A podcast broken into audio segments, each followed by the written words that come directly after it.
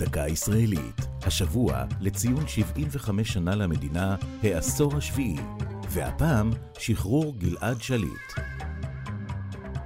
בבוקר 25 ביוני 2006 חדרה חוליית חמאס לישראל דרך מנהרה שנחפרה סמוך למוצב כרם שלום בגבול עזה.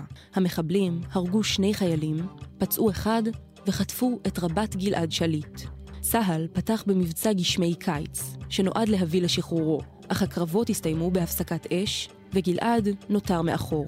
אות חיים ממנו הגיע רק כעבור חודשים ספורים, במכתב שנשלח להוריו. במהלך שביו הארוך התקבלו מגלעד עוד מסרים, בהם קלטת וידאו שהושגה תמורת שחרור 20 מחבלות. לאחר שנתיים החליטה משפחת שליט להגביר את המאבק הציבורי כדי ללחוץ על הממשלה ולהביא לשחרור בנם.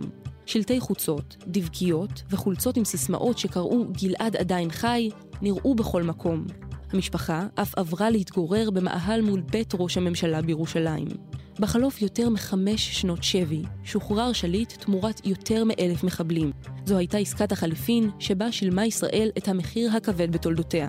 ב-18 באוקטובר 2011 יצאה העסקה לפועל, וגלעד שב הביתה. זו הייתה הדקה הישראלית על העשור השביעי למדינה ושחרור גלעד שליט. כתב נחום וולברג, ייעוץ הדוקטור רונן ברגמן, עורך ליאור פרידמן.